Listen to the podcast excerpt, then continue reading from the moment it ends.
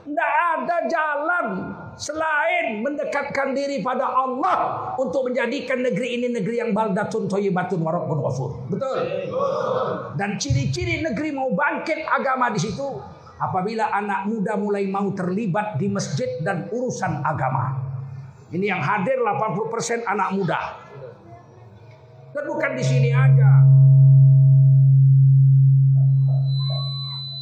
Bukan di sini saja. Sudah saya perhatikan sekitar 10 tahun lebih. Kalau tablik akbar, pengajian rata-rata 60% anak muda. 40 tahun ke bawah. Pergi haji, pergi umroh. Dari Indonesia rata-rata 60%, 70% anak-anak muda. Beda dengan Maroko, India, Pakistan, Bangladesh, Cina yang umroh, yang haji itu tua-tua. 80% orang tua. Kalau di sini Indonesia ngaji baca Quran, majelis taklim, ha? membela agama, umroh, tablik akbar, sholat terawih, 60-70% anak muda. Kalau anak muda sudah mulai mau campur urusan agama, tidak lama lagi Indonesia akan menjadi negeri yang baldatun thayyibatun warahmatullahi Assalamualaikum warahmatullahi wabarakatuh. Kaum muslimin muslimat di mana pun anda berada. Saya sedang berdiri di depan bangunan masjid Rafiuddin yang sudah selesai pengecoran lantai duanya. Dan insya Allah dalam beberapa hari akan dibongkar dan kita mulai pembangunan interior dan kita akan mulai pengajian kitab kuning di masjid yang kita cintai ini. Kaum muslimin muslimat salurkan bantuan Anda, infak dan sodakoh untuk kepentingan dakwah, ibadah, taklim wa ta'alum dan khidmat atas agama juga untuk keperluan kaum duafa khususnya di daerah Medan dan Sumatera Utara ke Yayasan Barokah Sumatera Utara Bank Syariah Mandiri nomor rekening 762 62 62 777 sekecil apa pun yang Anda sampaikan akan berharga untuk kita, untuk Anda dan untuk agama. Famay ya'mal mithqala dzarratin khairan yarah. Siapa mengamalkan satu perbuatan baik walau sebesar zarah, Allah melihatnya dan Allah mengajarinya dengan pahala. Terima kasih saya Tengku Zulkarnain, Ketua Yayasan Barokah Sumatera Utara. Wassalamualaikum warahmatullahi wabarakatuh. Ya Allah ya Basir Ya Sami'u ya Ali Malam hari ini saya sangat berbahagia dan kagum Yang hadir banyak sekali Kalah keyboard Harus begitu Syiar agama Allah itu harus dibesarkan Betul? Ini kali kalah keyboard ini Zalika wa man sya'airallah fa innaha min taqwal qulub. Allah berfirman Barang siapa yang mengagungkan syiar-syiar agama Allah itu muncul dari hati yang bertakwa kepada Allah. Mudah-mudahan kita semua termasuk golongan orang yang bertakwa. Apa hebatnya takwa? Mana bedanya dengan orang beriman? Orang bertakwa masuk surga nggak diperiksa-periksa. Wasiqal ladzina taqaw rabbahum ilal jannati zumara. Allah giring orang bertakwa masuk surga serombongan, serombongan, serombongan, serombongan, nggak diperiksa-periksa.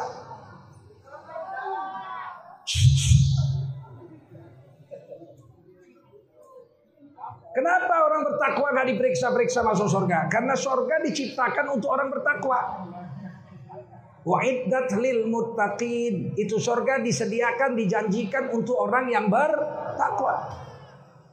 Dan kita itu disuruh berharap surga, merebut surga itu disuruh. Hati-hati dengan pengajian-pengajian akhir zaman ini. Kita beramal bukan karena takut neraka. Wah oh, ini bahaya betul. Jadi kalau nggak takut neraka berani sama neraka. Iya tapi bukan karena takut neraka. Saya beramal bukan karena berharap surga. Iya. Allah menyuruh kita berharap surga. Allah menyuruh kita takut dengan neraka. Saya nggak takut neraka. Ya, Gimana takut neraka? Ngerokok aja, api neraka aja kok isep-isep.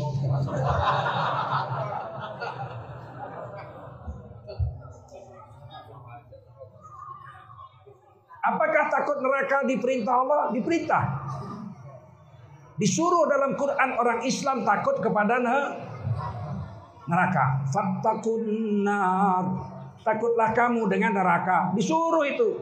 Fattakun waquduhan nas wal hijarah uiddat lil kafirin.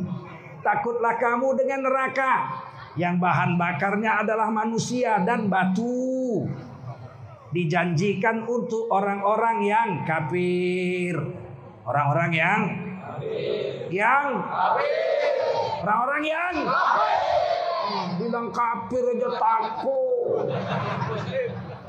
Jangan bilang-bilang kafir, itu menghina ini. Sekarang yang jahat-jahat di, dilembutin. Kafir jangan bilang non muslim, non Islam. Non muslim itu lebih halus siapa yang bilang? Kafir itu asal katanya kafaro yakfuru kufron. Artinya menutup. Diambil sama bahasa Inggris to cover. Cover buku. Buku ditutup dengan sampul. Ini. Kafaro yakfuru kufron. Ini meja ditutup pakai telapak meja. Ini namanya kafaro. Orang yang nutup tadi kafir. Mana siapa yang nutup tadi ini? Siapa yang nutup ini tadi? Kafir. Ketawa kita karena memang nggak menghina. Orang bilang kafir, bilang non muslim, non Islam, non muslim. Muslim itu asal katanya aslama yuslimu islaman. Artinya selamat. Non tidak, non muslim tidak selamat, celaka. Eh saudara-saudara non muslim, eh saudara-saudara yang celaka, celaka. Udah tahu dia, oh ternyata artinya nggak enak, tukar. Kemarin kafir nggak seneng, tukar non muslim, non muslim ternyata celaka, tukar lagi. Sontoloyo gitu. Agama kami kok kau yang ngatur-ngatur, betul? Lakum dinukum. Saya urusannya untukmu agamamu, untukku agamaku. Jangan campur-campur. Ini dunia sudah rusak pak. Giliran hari Natal orang Islam baca solawat di gereja. Kan gemblong itu gemblong. Pekok. Solawat Nabi kok di gereja. Sedangkan yang di gereja nggak percaya sama Nabi Muhammad, betul? Kenapa kita selawat di gereja, sedangkan mereka nggak percaya sama Nabi kita? Ya tapi jangan begitu Pak, itu bakal menghina. Kok menghina? Lakum dinukum? Begitu. Kalau kita selawat di sawah, nggak ada orang pun jin masih ada. Jin yang di sawah tuh ada yang Islam seneng, betul nggak? Kalau di gereja jinnya mana ada yang Islam? Aduh, ini kadang-kadang akal nggak dipakai susah rumit.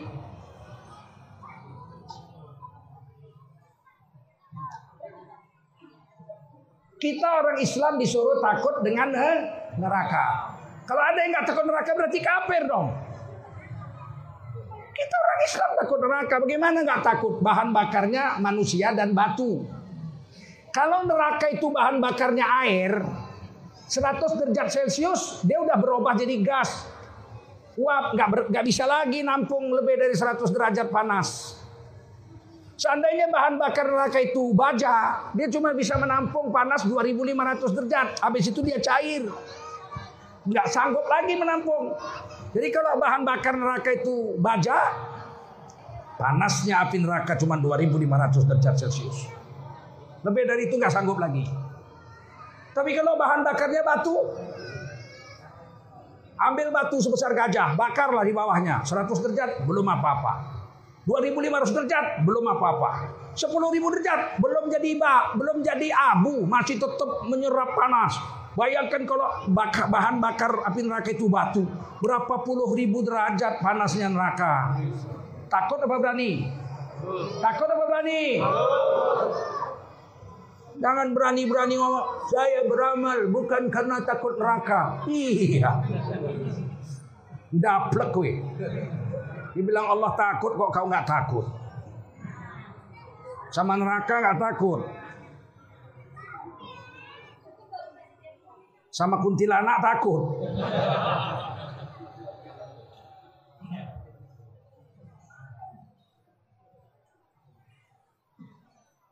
Kalau kita beramal karena takut neraka, udah selamat. Selamat. Ditanya orang, yuk mas ke mana? Main judi yuk. Aduh, kepingin sih, tapi nah, takut masuk neraka saya. Nggak mau ah. Udah selamat. Takut neraka selamat. Betul? Yuk mas, ke mana? Oh no. Ke Bandar Baru. Ada apa? Ada barang baru.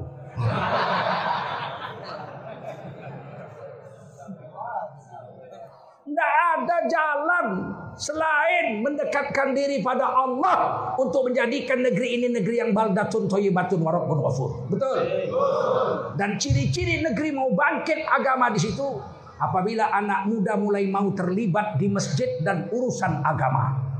Ini yang hadir 80% anak muda.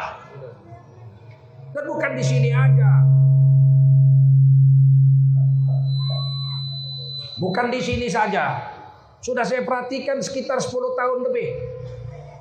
Kalau tablik akbar, pengajian rata-rata 60% anak muda. 40 tahun ke bawah. Pergi haji, pergi umroh. Dari Indonesia rata-rata 60%, 70% anak-anak muda. Beda dengan Maroko, India, Pakistan, Bangladesh, Cina yang umroh, yang haji itu tua-tua. 80% orang tua. Kalau di sini Indonesia ngaji, baca Quran, majelis taklim, ha? membela agama, umroh, tablik akbar, sholat terawih, 60-70% anak muda. Kalau anak muda sudah mulai mau campur urusan agama, tidak lama lagi Indonesia akan menjadi negeri yang baldatun thayyibatun warahmatullahi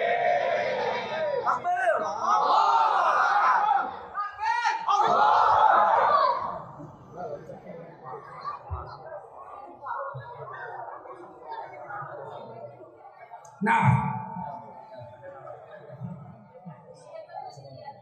kita takut neraka diajak berjudi nggak mau, ya judi yuk. Berani ya masuk neraka, aman.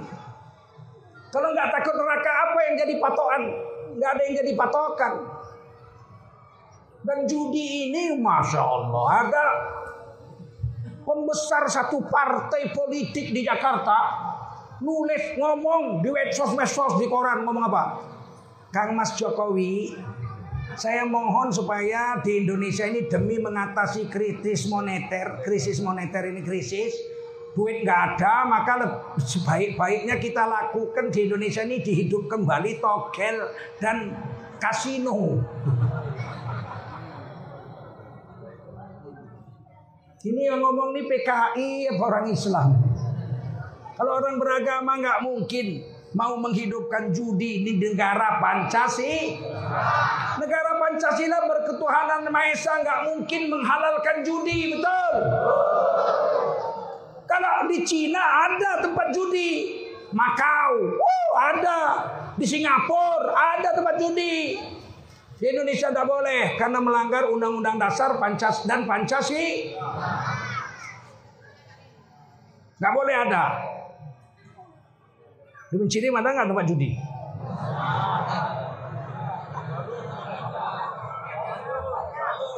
Ah, melanggar Pancasila nggak mungkin. Ada nggak? Ada? Kalau di negeri Indonesia yang berpancasila ini ada tempat judi, padahal negaranya tidak mengizinkan, undang-undangnya tidak mengizinkan, peraturannya tidak mengizinkan, tapi ada. Berarti ada kong kali kong antara pejabat di negeri itu dengan penegak hukum di negeri itu. Betul? Dan ada kong kali kong dari pengusaha-pengusaha bejat yang mau dapat duit dari mencekik batang leher rakyatnya sendiri. Betul? Wajib dilawan. Siap? Siap.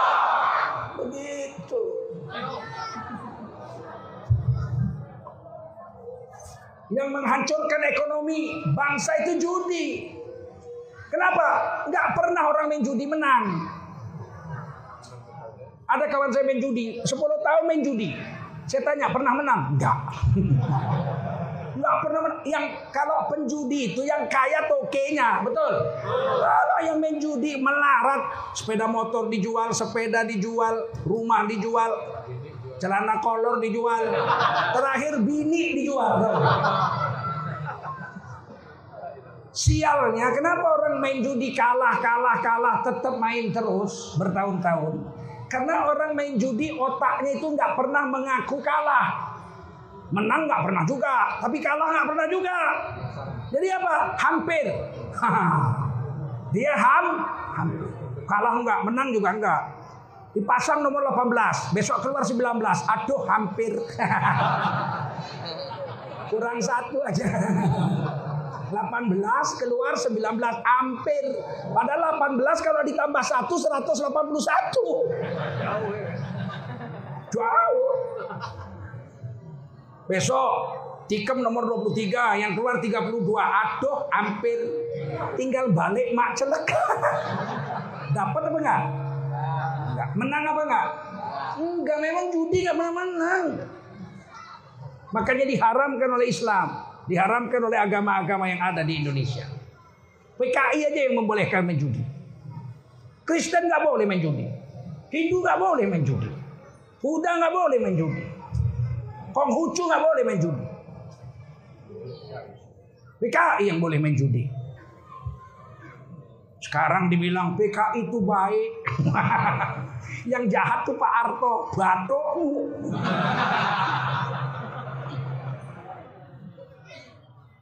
PKI itu katanya Pak Harto PKI. Gembong PKI. Kalau Pak Harto gembong PKI 32 tahun beliau jadi presiden Indonesia udah jadi negara PKI dong. Betul? Kalau Pak Harto itu PKI pasti anak-anak PKI yang belum tobat masih tetap pemikirannya komunis pasti masuk partainya Pak Harto dong. Betul? Motomu bloloran. Nggak jelas pemikiran. Orang berjudi tidak pernah menang. Kalah pun tidak, hampir aja. Hampir, aduh hampir, aduh hampir. Sampai hancur ekonominya. Hampir terus. Kapankah penjudi tobat? Dia tobat kalau kenal agama. Kalau nggak kenal agama, nyolong, mencuri untuk bisa main ju tapi begitu kenal agama baru dia menjerit. Aduh, dilihat istrinya udah kurus. Kepalanya aja yang besar kayak ikan mujair. Kamu kenapa kok kurus? Lah ya orang abang nggak pernah ngasih makan. Udah lima tahun duit main judi semua bang. Saya ini kerja tiap hari nyuci baju di rumah Cina bang. Tuh cari makan. Abang nggak pernah ngasih makan. nggak pernah ngasih belanja. Lima tahun. Baru menyesal. Aduh lihat anaknya pergi sekolah pakai sepatu koyak. Kok sepatumu koyak Budi? Nangis si Budi. kan setahun yang lalu Budi udah minta beliin sepatu pak. Oh iya, baru teringat. Setahun yang lalu anaknya udah minta sepatu. Pak, apa? Waktu itu dia masih main judi. Budi mau sekolah pak, sepatunya robek. Kamu cerita sepatu koyak, ku tampar kau nanti. Pergi kau, bikin pening kepala aja kau. Pergilah anaknya pakai sepatu koyak. Sedihkah bapak yang penjudi ini? Enggak, malah ngambil buku kode. Sepatu koyak nomor berapa ya?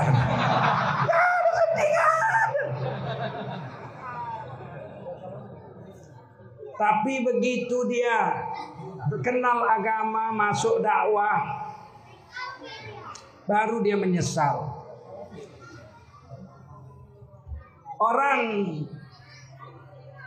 kalau sudah jahat, berjudi, berzina, mabuk dan lain-lain, hukuman pertama yang Allah jatuhkan kepada dirinya adalah dicabutnya rasa cinta dari hatinya. Bukan masuk neraka, bukan. Dicabut rasa cinta dari hatinya. Orang yang biasa main judi, rasa cinta dicabut. Sehingga gak cinta lagi sama istri, gak kasihan lagi lihat anak. Sama bapak ibunya pun gak sayang lagi dia. Begitu juga orang yang tukang bezina. Dicabut rasa cinta dari hatinya terhadap istri dan anaknya. Gak ada rasa cinta. Nggak kasihan dia lihat anaknya nggak makan, anaknya pakai sepatu koyak nggak nggak kasihan. Tapi begitu dia tobat dikembalikan rasa cinta itu. Baru dia sadar seperti yang dibilang Muksin Alatas tahun 75-an. Aku sengsara karena judi. Aku melarat karena judi. Banyak utangku karena judi. Judi yang membawaku mati.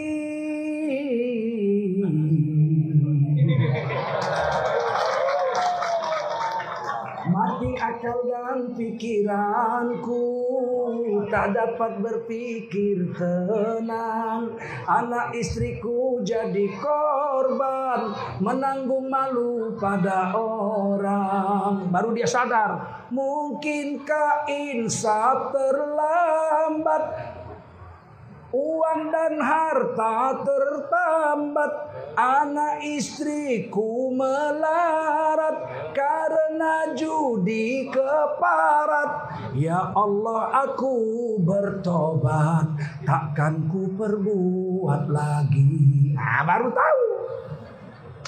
Baru tahu setelah masuk agama. Tobat nggak buat lagi. Kalau agama belum masuk Sampai mati masih berjudi. Udah mau mati sakaratul maut datang ustaz. Ditalkinkan. La ilaha illallah. La ilaha illallah. Begitu malaikat mau datang baru dia bisa mengucap La ilaha illallah. Di kupingnya diajarkan La ilaha illallah. Ditalkinkan. Barulah dia mengucap Ular 32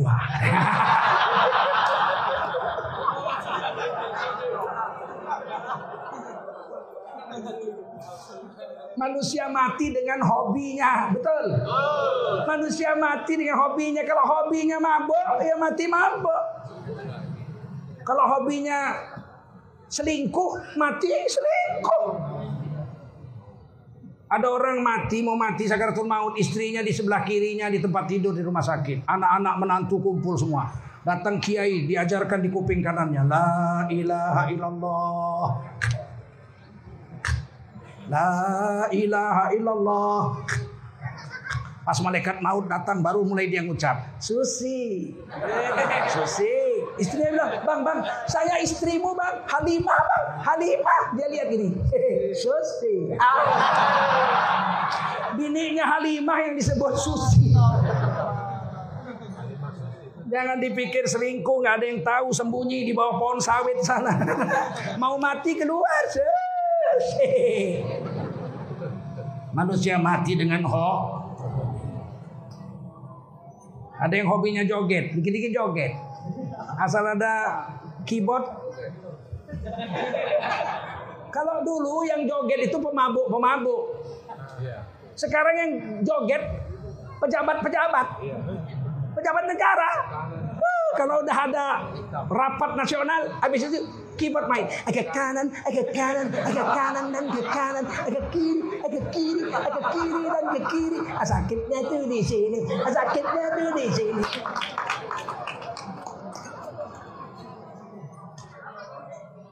Kalau hobinya joget, matinya jo. Hobinya ke masjid, matinya di masjid. Udah kejadian di desa ini, betul nggak? Habis sholat zuhur, sholat sunat, doa, habis itu baca Quran, selonjor, berangkat. Enaknya mati habis sholat.